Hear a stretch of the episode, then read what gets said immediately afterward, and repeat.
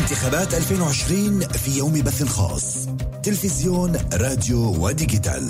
في الثاني من أذار نختار مكان.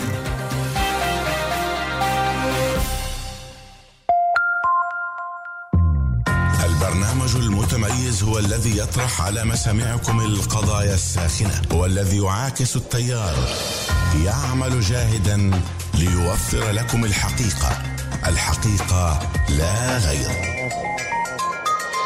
على المكشوف مع محمد بكرية ومع مواضيع فكرية اجتماعية. السبت في العاشرة والنصف صباحاً.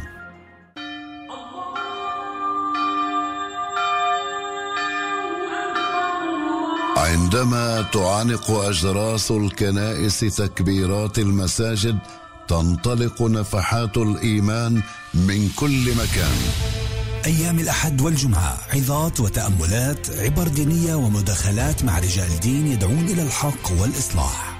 رسالة الأحد في الواحدة والنصف ونور على نور الجمعة في الثانية عشرة والنصف خلصت اللعبة مش راضيين عن النتيجة؟ زدنا لكم وقت إضافي الرياضة في مكان مع برنامج إضافي. الأربعاء والخميس في مكان إكس 2 كل ما يدور خلف الكواليس. وأيام الجمعة والسبت ملاعب وأهداف تغطية مباشرة من الملاعب. وفي الوقت الإضافي من يوم السبت مكان للجمهور لإبداء آرائكم. الرياضة في مكان من الأربعاء حتى السبت مع محمد الشيخ خليل. أنتم مع مكان.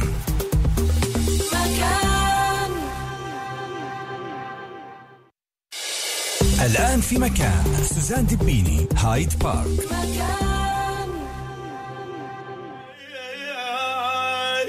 يا يمه يا حبيبه يا يمه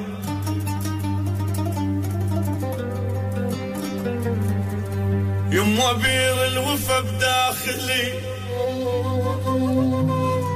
دلولت رسم الدلع والاحباب اصفق هوا من عيني مو من دلع رجعنا لنواصل معكم أحبائي القسم الثاني من سهرتنا لليلة سهرة آه، مؤلمة ومؤثرة جدا حديثنا عن الفقدان الوداع. والتعامل مع الأطفال بهاي الحالات بما أنه هالقد الإشي صعب على الكبار بيكون أنه الواحد يودع آه، حدا من أهله أي فرد اللي هو عزيز عليه أم أب أخ أخت مين ما كان. ولكن كيف الأمور إحنا آه، بنشوفها بالنسبة للأطفال وهل فعلا باخذوا نصيبهم كمان من الاحتواء بهاي الحالات ولا لا؟ عم ترافقنا بالاستوديو حكمية ياسين غبرية أخصائية اجتماعية لقب ثاني في الصحة النفسية والاجتماعية للأطفال. رضى وقلت ما رضى النوبة هو الزعل عمي هو القلب مرضى صفر سبعة اثنين ثلاثة ثلاثة خمسة خمسة تسعة تسعة ثلاثة. وصفحتين طبعا على الفيسبوك سوزان سيداوي دبيني باللغتين العربية والإنجليزية. عنا كتير آه، آه، مداخلات رح نحاول نرجع لهم لنقرأ البعض منها. حكمية آه، إحنا حكينا عن التحضير حكينا عن المرض حكينا عن الشخص اللي بيكون داخل البيت وبمرض واللي بيروح على المستشفى وكيف بياخذوا الأولاد وإذا لازم ياخذوا الأولاد وما بين آه ولا إنه لازم يكون في وداع أخير من قبل الأطفال للشخص اللي توفى ولا لا. ولكن في إشي اسمه كمان الموت المفاجئ. صحيح. يعني هو صدمة للكبار. فكيف أكيد. ممكن يتعاملوا مع الصغار؟ أول شيء التعامل مع الموت المفاجئ هو صعب بشكل آه، كبير على الكبير فكيف آه، بده يكون على الصغير؟ أكيد صعب جدا حتى يعتبر صدمة. صدمة يعني trauma كيف آه، okay. تسمى. الصدمة هاي أو الفاجعة بالعربي فاجعة يعني إشي فجعه أو خوفه أو حتى وقفه عن شغله. يعني الإنسان بقعدش حتى يتصرف كيف لازم. okay. فإحنا هنا بدنا نتعامل مع الحدث المفاجئ للطفل زي ما بنتعامل مع الحدث المفاجئ للإنسان الكبير. الإنسان ببطل يقوم بوظائفه الأساسية. لأنه الموت اجى فجأة ما تحضر له ما هو مرض. اللي بيعرف المراحل لسه بده يتطور بده يزيد. التجربة هون أصعب التجارب ولكي نقدر إن نريح الطفل أو نخفف من الصدمة والهول والخوف الكبير عند الطفل لازم نتعامل معه بطريقة اللي هي اليوم آه، زي كيف بيتعاملوا مع الكبار؟ اليوم إن إحنا من بنقولش إنه تظلك قاعد وتبكي وتنوح آه، على الإنسان اللي فقدته. إحنا بنساعد آه، الطواقم الطبية اليوم حتى الطواقم النفسية عم بنطور أسلوب إنك ترجع للوظيفة تبعتك بأسرع وقت ممكن. كيف؟ بأي طرق ممكن إنسان يعني يرجع إنه لحياته ما العادية؟ ما ما يعني بطريقة بسيطة. لما يكون الموت مفاجئ للكل الكل بيكون آه بدون آه آه وعي. بفقد ما بتلاقي بعض. الأشخاص بتلاقي بعض الأشخاص الهاديين متزنين اللي يديروا القصة كيف بدها تصير. أوكي. فهذول الناس اللي بعدهم متوازنين مثلا هن يستوعبوا الطفل أكثر اللي بيكون نفسه في هلع في صدمة ما بيقدر يستوعب غيره لأنه هو نفسه بده مساعده صح. فأنا بتكل على الناس معظم الناس اللي هي بتكون متزنة معظم الناس اللي حوالين الطفل هذا اللي اصابته الفاجعة اللي هو اللي نفسه خارج دائرة اللي الشخص اللي توفى. إنه أوكي. ينتبهوا للأطفال بوجودهم أول إشي مش بس للكبار ويعطوهم الاهتمام إنهم يرجعوا على الوظيفة تبعتهم ممكن يجيبوا لهم مي ممكن يحكوا معهم يقعدوا مثلا مش يحكوا مع الطفل وهو واقف. من المفضل يخلوا الأولاد في البيت في حالة موت فوا- مفاجئ بحالة إنه اجى الخبر وبعدين جابوا هالشخص هذا اللي توفى جابوه على البيت. مفضل إنه الأولاد يكونوا موجودين يشوفوا هاي الأمور طلع في كلها. آراء مختلفة. أنا بالنسبة لي كيف إحنا من- بنشتغل بالموضوع يعني بالمستشفى. إحنا بنحاول إنه نعطي للعيلة نفسها. بسموها تشفي حالها. يعني إحنا بنرافقهم بنكون معهم. إذا مثلا موجود الطفل بحالة الفقدان نفسها بال- بالطوارئ أو مثلا إذا اجى طفل متوفي أخوه أو إحنا بنحاول إنه ما يكون لوحده الطفل. أول شيء. لازم حواليه بالغ من البيئة تبعته. الأمان أوكي. الأساسي ما ينفقد. ما بنحاول قد إيه ممكن على السريع يكون حدا بالغ. إذا كان من عيلته الأساسية اللي حده أو نجيب نتصل طوالي على العيلة ونقول لهم إنه في حالة حالة طوارئ. طبعا بنخبرش عن الموت إحنا بالتليفون بس تعالوا بسرعة في حالة طارئة. الولد هذا اللي مرت عليه الفاجعة طبعا أول شيء الأمان. لأنه أنت الأمان. بوجود شخص من بالضبط. القريبة تبعته القريبة مش الغرب إذا حدا بالغ اللي يفهمه مثلا بنادوا الأخصائي النفسي أو الأخص الدكتور أو حدا أي حدا المسعف حتى ممكن الأمبولانس أو أي حدا أجى على الحدث نفسه نبدأ نحكي مع الطفل نرجعه للوعي يعني أنت حسب بكل طبعا. هذا آه، نفس اللي كنت أسألك إياها. ضايع. بكل الاجيال ممكن هذا الإشي يصير ولا فوق السبع سنين؟ أول إشي صوتنا يكون متزن. لما إحنا نفسنا. بالضبط. لما إحنا نفسنا فاقدين الوعي ما بنقدرش نوعي الطفل.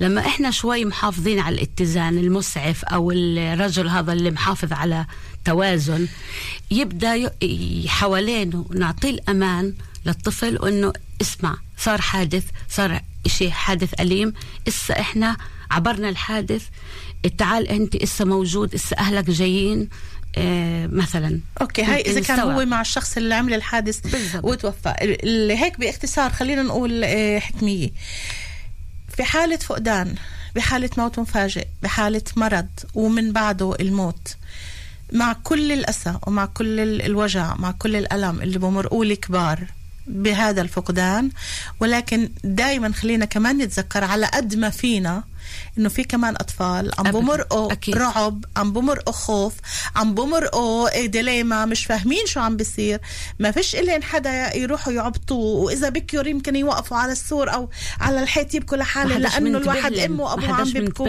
ما حدا. شايفهن ما حدا منتبه لهم عم بيشوفوا الكل عم بيبكوا وهن عم بيبكوا مش فاهمين ليش فكمان مثل ما إحنا بنحس بحالنا بنحس قديش إحنا بحاجة الواحد ليجي حدا تاني ويعبطه بهاي اللحظة لحتى. يواسيه الأطفال بحاجة أكثر منا فخلينا نتذكر كمان الأطفال الأمان الأساسي اللي, هو مش أقل أهمية من الأكل. والشرب شعور الولد بالضياع وبالفقدان وبإنه هذا الشخص المهم لإله راح وفجأة هذا الشيء بيخليه يفوت على عدم اتزان وعدم. وعدم شعور بالأمان. ويمكن الإشي يصير أصعب لما بلاقيش حدا واقف جنبه كمان لما اللحظات يشرح له. وخاصة من القريبين عليه من الناس اللي بحبهم برجع له شوي من التوازن. أو بهديه الحدث على. القليله أو. على القليله بهديه بالضبط. صفر سبعة اثنين ثلاثة ثلاثة خمسة خمسة تسعة تسعة ثلاثة. في عندي كمان مداخلة من مشيل بشارة. مساء الخير مشيل كيفك حبيبي؟ عم بيقول مساء الخير خالته سوزان. في عدة تأثيرات من وراء هذا الموضوع اللي بتحدث عن الموت. فأولا عندما شخص يرى ويودع شخص معين قد فارق الحياة وهو عزيز على قلبه يزرع في قلبه الحزن وتذكار أبدي لمشهد الموت. وبالتالي أيضا يصاب باكتئاب نفسي شعوري قد يأخذ الكثير من الوقت لعبور هذه الأزمة أو حتى أنه أحيانا لا ينسى الشخص موقف الموت طيلة حياته. وهذا يعود لشخصية كل شخص إن كانت قوية أو أم ضعيفة.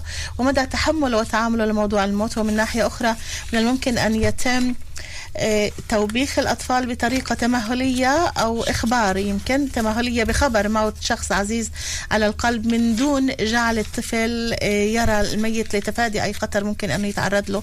الطفل مشيل بشارة بيواصل عم بيقول هذا الموضوع مؤلم جدا لأني أنا مرأت بهذا الموقف وبهاي الحالة لموت وتوديع أشخاص عزيزين على قلبي. حبيبي مشيل أول إشي العمر الطويل لك يا روحي وطبعا هذا وضع مثل ما إحنا عم نحكي إنه ما في حدا آه، كيف بيقولوها بالعامية ما في حدا في على راسه خيمة هذا وضع ممكن يمرق على كل كل حدا. وكتير كتير حلو إنه نفهم الوضع كيف هو والأسلوب اللي كتبت فيه مشيل جدا جدا أسلوب شاب بالغ. فالعمر الطويل لك حبيب قلبي وتكون أنت محل كل اللي فقدتهن والله يعطيك طولة العمر. خلينا نرجع معك لموضوع اللي كنت عم تقولي لي عليه هو ال- المعالجة ال- الأسلوب اللي ممكن بالمستشفيات يعطوه لحتى كمان يقدروا يخففوا الضغط اللي بتواجدوا فيه أهل الميت ال- الفقيد. شو الأشياء اللي بتعملوها؟ مين اللي بعطي هذا ال- الدعم كله؟ في المستشفيات آه، الحكومية وحتى المستشفيات الخاصة في بلادنا في آه، تطوير لهذا الموضوع إنه كيف نقدر نواجه الموت بطريقة اللي تخفف الوجع والألم أنتوا عم وال- تحكوا كت... كطاقم كطواقم. ك... كطواقم. كطواقم إذا كان. آه، أطباء أو ممرضات. وممرضين وأنتم الأخصائيين والمرشدين اللي بتكونوا هناك موجودين معي بالضبط إحنا أوكي. الأخصائيين الاجتماعيين دائما بنادونا وقت ما بصير حادثة موت أو حادثة حتى ما قبل الموت وقت الوداع الأخير. إحنا بنرافق في كل قسم من أقسام المستشفيات في عنا عامل اجتماعي أخصائي اجتماعي. اللي بيرافق هذول العائلات وبيرافق المريض نفسه لآخر مرحلة من حياته. طبعا آه، آه، بالزيادة على الباحث الاجتماعي والأخصائي الاجتماعي في عنا الأطباء والممرضات والاخصائي التغذية واللي بيرافقوا ل- المريض بكل مراحل. في من 2005 لليوم في تطوير في وزارة ال- الصحة. آه، حتى برنامج قطري اللي قانون آه، طلع في برنامج قطري لتطوير العلاج التلطيفي للمريض وعائلته. اسمه العلاج هذا العلاج التلطيفي؟ بالياتيف كير اللي هو علاج تلطيفي خاص جدا في حالات الاحتضار والساعات الأخيرة أو الأيام الأخيرة للمريض. اللي فيها تكوينة خاصة أو علاج خاص في المريض. للمريض نفسه ولا لأهل المريض كمان؟ للمريض وأهله والطاقم مكون من طبيب ممرضة وأخصائي اجتماعي وأخصائي نفسي. بيشتغلوا مع بعض كطاقم. تحت إدارة المستشفى في في هنالك كورسات بيعبروها هذول المتخصصين وبعبروا الكورسات للأخصائيين في كل قسم. ممكن مع استشارة وقت ما بصير لما بالتقرير مثلا الطبيب بقرر إنه هذا المرض ما غير قابل للشفاء وإنه الوضع تأزم وما في أمل إنه يعيش أكثر حتى ممكن يتحدد وقت ال- ال- الموت ممكن مرات بالساعات أو بالأيام. فبدخلوا هذا حدا الطاقم بيقدر يحدد وقت الموت؟ مش يحددوا بس بالتقريب يعني إنه معك جمعة، معك جمعتين، معك تقريباً. شهر، ولا شيء. بيحددوا بالضبط بس بالتقريب يعني إمتى راح يكون. بقولوش يعني بشكل واضح. طبعاً. صعب. شوي الواحد يحكيها. حتى كلمة الموت إحنا ما بنحكيها. إحنا بنحكي إنه العلاجات خلصت إنه ممكن نحضر الأهل بطريقة مبسطة حتى على الكبار. فكيف ففي كيف على الصغار يعني. هذول الطواقم طبعا بيشتغلوا مع العائلة ومع المريض بالأساس إنه يعطوه آه، أدوية مخففة للألم آه، آه، مواد اللي هي بتخفف عنه ال- الوجع. أو بتمحي الوجع وبرافقوا الطاقم ال- العائلي مع كل ما يترتب من تحضيرات. ومن ضمنها آه، في بعض الأحيان لما يكون عندنا أب أو أم عنده أطفال كمان بيسألونا كيف نتعامل مع الطفل بأي أسلوب هل يجي هل يودع هل ما يودعش. طبعا كلته وأنتم بتتركوا الإشي يعني الأمر متروك للأهل. إذا آه هن بس إحنا بنوعيهم للأهل إنه في مراحل التحضير التدريجي مثلا إنه يزوروا في المرحلة ما ما قبل ما يتدهور الوضع إذا إحنا عارفين إنه رح يتدهور مثلا مرض زي مرض السرطان يمكن اصعب أو أصعب الحالات هي حالات الموت المفاجئ اللي ما صحيح. فيش إنسان يبقى صحيح. متوقع الشيء اللي بده. يصير وفجأة بصير بصير ال- الحدث الحدث هذا المفاجئ هذا الشيء هذا اللي بفقد العيلة كلها أعصابها توازن. بفقدها التوازن والتركيز واللي واللي بيضيعوا أكثر بين الإجرين إذا فينا نقول هال هال. اللي هن الأطفال اللي ما حدا يبقى منتبه لهم ولا ولا حاسس شو عم بمرق عليهم إحنا اليوم هو بدي توعية الناس نعم. لأنه ينتبهوا للأطفال لو حدهم ما هذا- هذا حلقة اليوم- حلقة اليوم بس. تشرحي لهم طريقة بالضبط. مبسطة. حلقة اليوم اللي أنا اخترت أحكي فيها هي موضوع عم نسمع قديش حوادث الموت عم بتصير إذا كان أمراض وغير أمراض. ولكن دائما بضل عندي تساؤل إنه طب شو مع الأطفال؟ مين عم بيسأل عليهن؟ مين عم بيشوفهن مين عم بحضنهن؟ مين عم بيحتويهن؟ فعشان هيك أنا قررت إنه هاي الحلقة إن إن نخصصها فقط للأطفال. في عندي مداخلة من سونيا آه، أبو مفلح عم تقولي سعد مساكم الجميع إحنا خلينا حفيدتي تودع أختها وشافتها وهي متوفية. في الأول تغيرت تصرفاتها بتخاف من كل واحد بيبكي أو لابس اللون الأسود. بعدين كل إشي بتعمله أو بتشتريه بدها لأختها. اليوم تتذكرها وبتاخد نعنع أو ملبس لأبوها وإمها وإلها وكمان لأختها أختها اللي توفت. اليوم قالت لأمها كلمة أنا لقيتها مؤثرة عم بتقول سونيا بتقولها ماما بديش تخلفي انت انت امي واختي. قد عمر البنت الطفلة؟ هلا بنشوف شو عم تقول. آه عم بتقول سونيا الله يرحمها كان اسمها غزل اللي توفت كان اسمها غزل وأختها اسمها تالا. عمرها اليوم أربع سنوات. أربع سنوات وغزل صار لها متوفي يمكن شي أربع خمسة أشهر. إذا إذا مش أكتر هيك شي لأنه بتذكر سونيا وقتها حطت كمان على الفيس. و... وأختها تالا كانت وشافتها ودعتها فبتقول آه توفت غزل عن عمر سنة ونص من مرض كانت مريضة لا سمعتها أختها تحكي ولا تلعب. الله شفق عليها وربنا يعوض على بنتي توم مش مهم إذا بنات أو أولاد. فبجيل أربع سنين هلأ هي وتقبلت الوضع والغائب صار شي. أربع الغائب الحاضر الغائب الحاضر. بعدها عم تأخذ. تشتري إلها ولا إمها ولا مستوعب وكمان بمعنى إنها تغيب عنها من ناحية المحسوس زي ما قلنا بالبداية الحلقة يعني إحنا قلنا إنه بجيل آه، من صفر لثلاثة المحسوس أو لأربعة تقريبا بعدين شبه المحسوس بعدين المنطق لسبع سنين وفوق فهي الطفلة هاي كانت ثلاث سنين ونص تقريبا. هي مرحلة إنها بعدها مش مستوعبة إنه طفلة زي غزل تغيب عنها. فبعدها حاضرة بتجيب سيرتها بتحكي عنها كأنها موجودة. مثل كأنها موجودة معها بالضبط. وهذا الإشي لما مشاركتهم لها يحكوا كمان ساعدها. إنه مش إنه عم- خلوها لا، تشوفها ما وهي تو- مري- ما- وهي ميتة وهي هيك أعطوها. شرعية وتفسير بسيط بحدود الفهم تبع الطفل. نقطة كتير منيحة آه، نركز عليها. إنه إحنا لما بنعطي تفسير مبسط وملائم للجيل ونعطي مكان ومحل للطفل لمشاعره هو نفسه بيحت... لما بنحترمه هو بيحترم حتى الموت. وما بزعل إنه موجود بيبدا شوي شوي يستوعبه من ناحية الغيبة إنه مش انه وين راح ال- الم- حكمية لازم المتوفى. بمرحلة معينة لما نقعد نحكي مع أولادنا عن شخص اللي هو توفى ونقعد نشرح لهم على قد ما في كل واحد طبعا حسب عمره حسب طريقة الأهل كيف يوصلوا له. لازم نقول لهم مرحلة معينة إنه إحنا كمان رح نموت وإحنا كمان رح نختفي من الدنيا ورح يجي وقت أنتوا رح تكبروا وتتجوزوا ويصير عندكم أولاد وإحنا مش رح نكون موجودين. هاي الأشياء كمان لازم نبلش نقول لهم إياها ولا ما نفوتش بهذا الموضوع؟ مش عارفة في شغلات اللي هي بنعرفها في شغلات إحنا ما بنعرفها بس يعني نقعد هالقد نحكي عن الإشي المستقبل هيك- كأنه عارفين مية في لا ما المية شو رح يصير ما هو ممكن الإشي الوحيد مبسط. الأكيد بالدنيا هو إنه رح نموت الإشي بشكل الوحيد آه. الأكيد هو إحنا رح نموت بس لما نيجي نشرحها بس لتي... لا أنا مش عم بحكي عن أطفال أنا بحكي عن جيل يعني إنه صاروا واعيين آه لا ونحكي معهن آه. ولازم يفهموا إنه بمرحلة معينة الأم والأب عملوا اللي عليهن إيه، جابوا هالولاد لهالدنيا ربوهن كبروهن يمكن كمان تجوزوا بس مرحلة معينة كمان هن رايحين.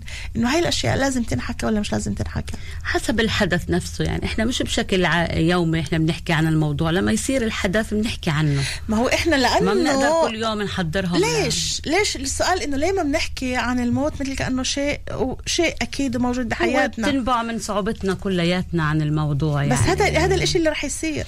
يعني مش أكيد. إنه بنحبش نثقل على الطفل بس بعد الحياة. جاي عليه وراح يمر تجارب. مرات. إحنا مش بس أنا كل مش عم بحكي عن صعبة. الطفل يعني كطفل. أنا عم بحكي عن أولاد اللي هن صاروا واعيين يعني إنه سبعة آه،. وثمانية وتسعة وعشرة وخمسة عشر إنه إن- يمكن لو حكينا إحنا عن الموضوع أكثر عن موضوع الموت لو انه تناولناه أكثر بحياتنا وحكينا عنه أكثر بصير إشي مفهوم ضمنا إنه إحنا عم نحكي عنه كشيء أكيد بهالحياة اللي رح يصير إنه كل واحد بخلق رح يموت.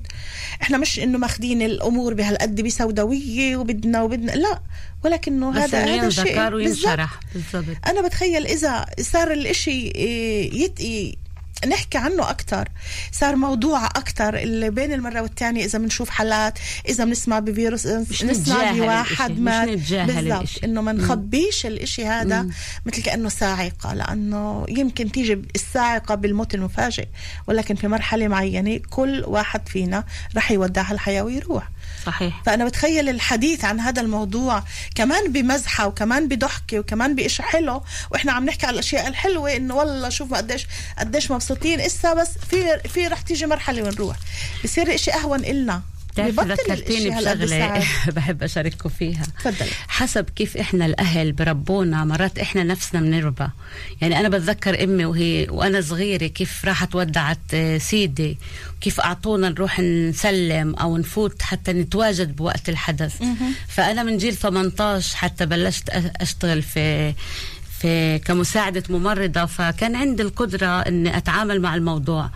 في لي أخت مثلا ممكن عندها إصعاب آه، آه، ثانية مختلفة يعني وقت ما مرت أخوي توفت أنا غسلتها يعني ما كانش عندي مشكلة. من هيك كنت عم تقولي لي بتقول ما عنديش أنا مشكلة كمان. لأنه من قبل ما. يعني كنت متخصصة في موضوع البحث الاجتماعي بس مش اللي بالمستشفى. أوكي. فهي مسألة إنه إحنا لما إحنا كبالغين آه زي ما قلتي يعني مش إنه نتحدث عن الموت بكل يوم بس لما نكون إحنا جاهزين مجهزين للتعامل مع الحدث الصعب وحتى نجيبه ونحكيه بطريقة تفهيمية عشان نكون ح... مش. مجهزين آه،. المفروض إنه ناخده نكون كجزء من. الحياة يعني الموت جزء من الحياة للحدث إنه ما نضلنا متزنين وما نفقد اتزاننا بهال للآخر. فإحنا نفسنا نصير مثال للطفل هذا أهم شيء إنه إحنا مثال جيد له أنا بتخيل باللحظة اللي إحنا بنتقبل فيها الموت صحيح. بصير كل شيء بالدنيا هين. لما بنتقبل إنه إحنا اجينا عايشين عم نعمل رسالتنا ورح يجي تيجي لحظة اللي إحنا كمان رح نموت فيها ساعتها بنصير نحكي عنه بكل سهولة ببطل هذا الرعب والخوف للكبار والصغار لما نذكره. لأنه هذا الشيء المؤكد الوحيد بهالدنيا كلها.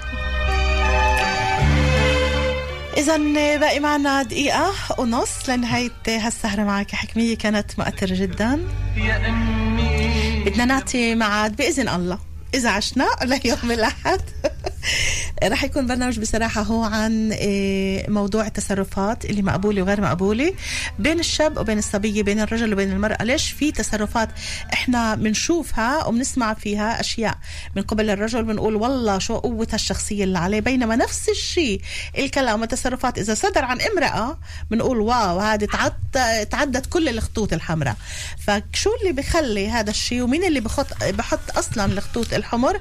هذا رح يكون موضوعنا بصراحة يوم ال- الأحد الاثنين طبعا رح يكون في انتخابات. عطلة معطلين؟ فيش سهرة حب. نرجع من بعدها يوم الأربعاء لنتواصل معكم. شكرا كثير ست. حكمية العمر الطويل. يعطيك ألف عافية ويخلي لنا إياك يا رب. شكرا لكل اللي اختارونا وسهروا معنا بهالسهرة المؤلمة شوي والمؤثرة. ولكنها جزء من الحياة المفروض إنه نتقبله. كونوا بألف خير. مع كل الحب دائما. تصبحوا على ألف ألف خير. وحدك أنا. bye bye إلى اللقاء. سوزان دبيني بالأمان أنا مش ممكن أنسى. عينيك يا إني أنا مش ممكن أنسى. عينيك يا إني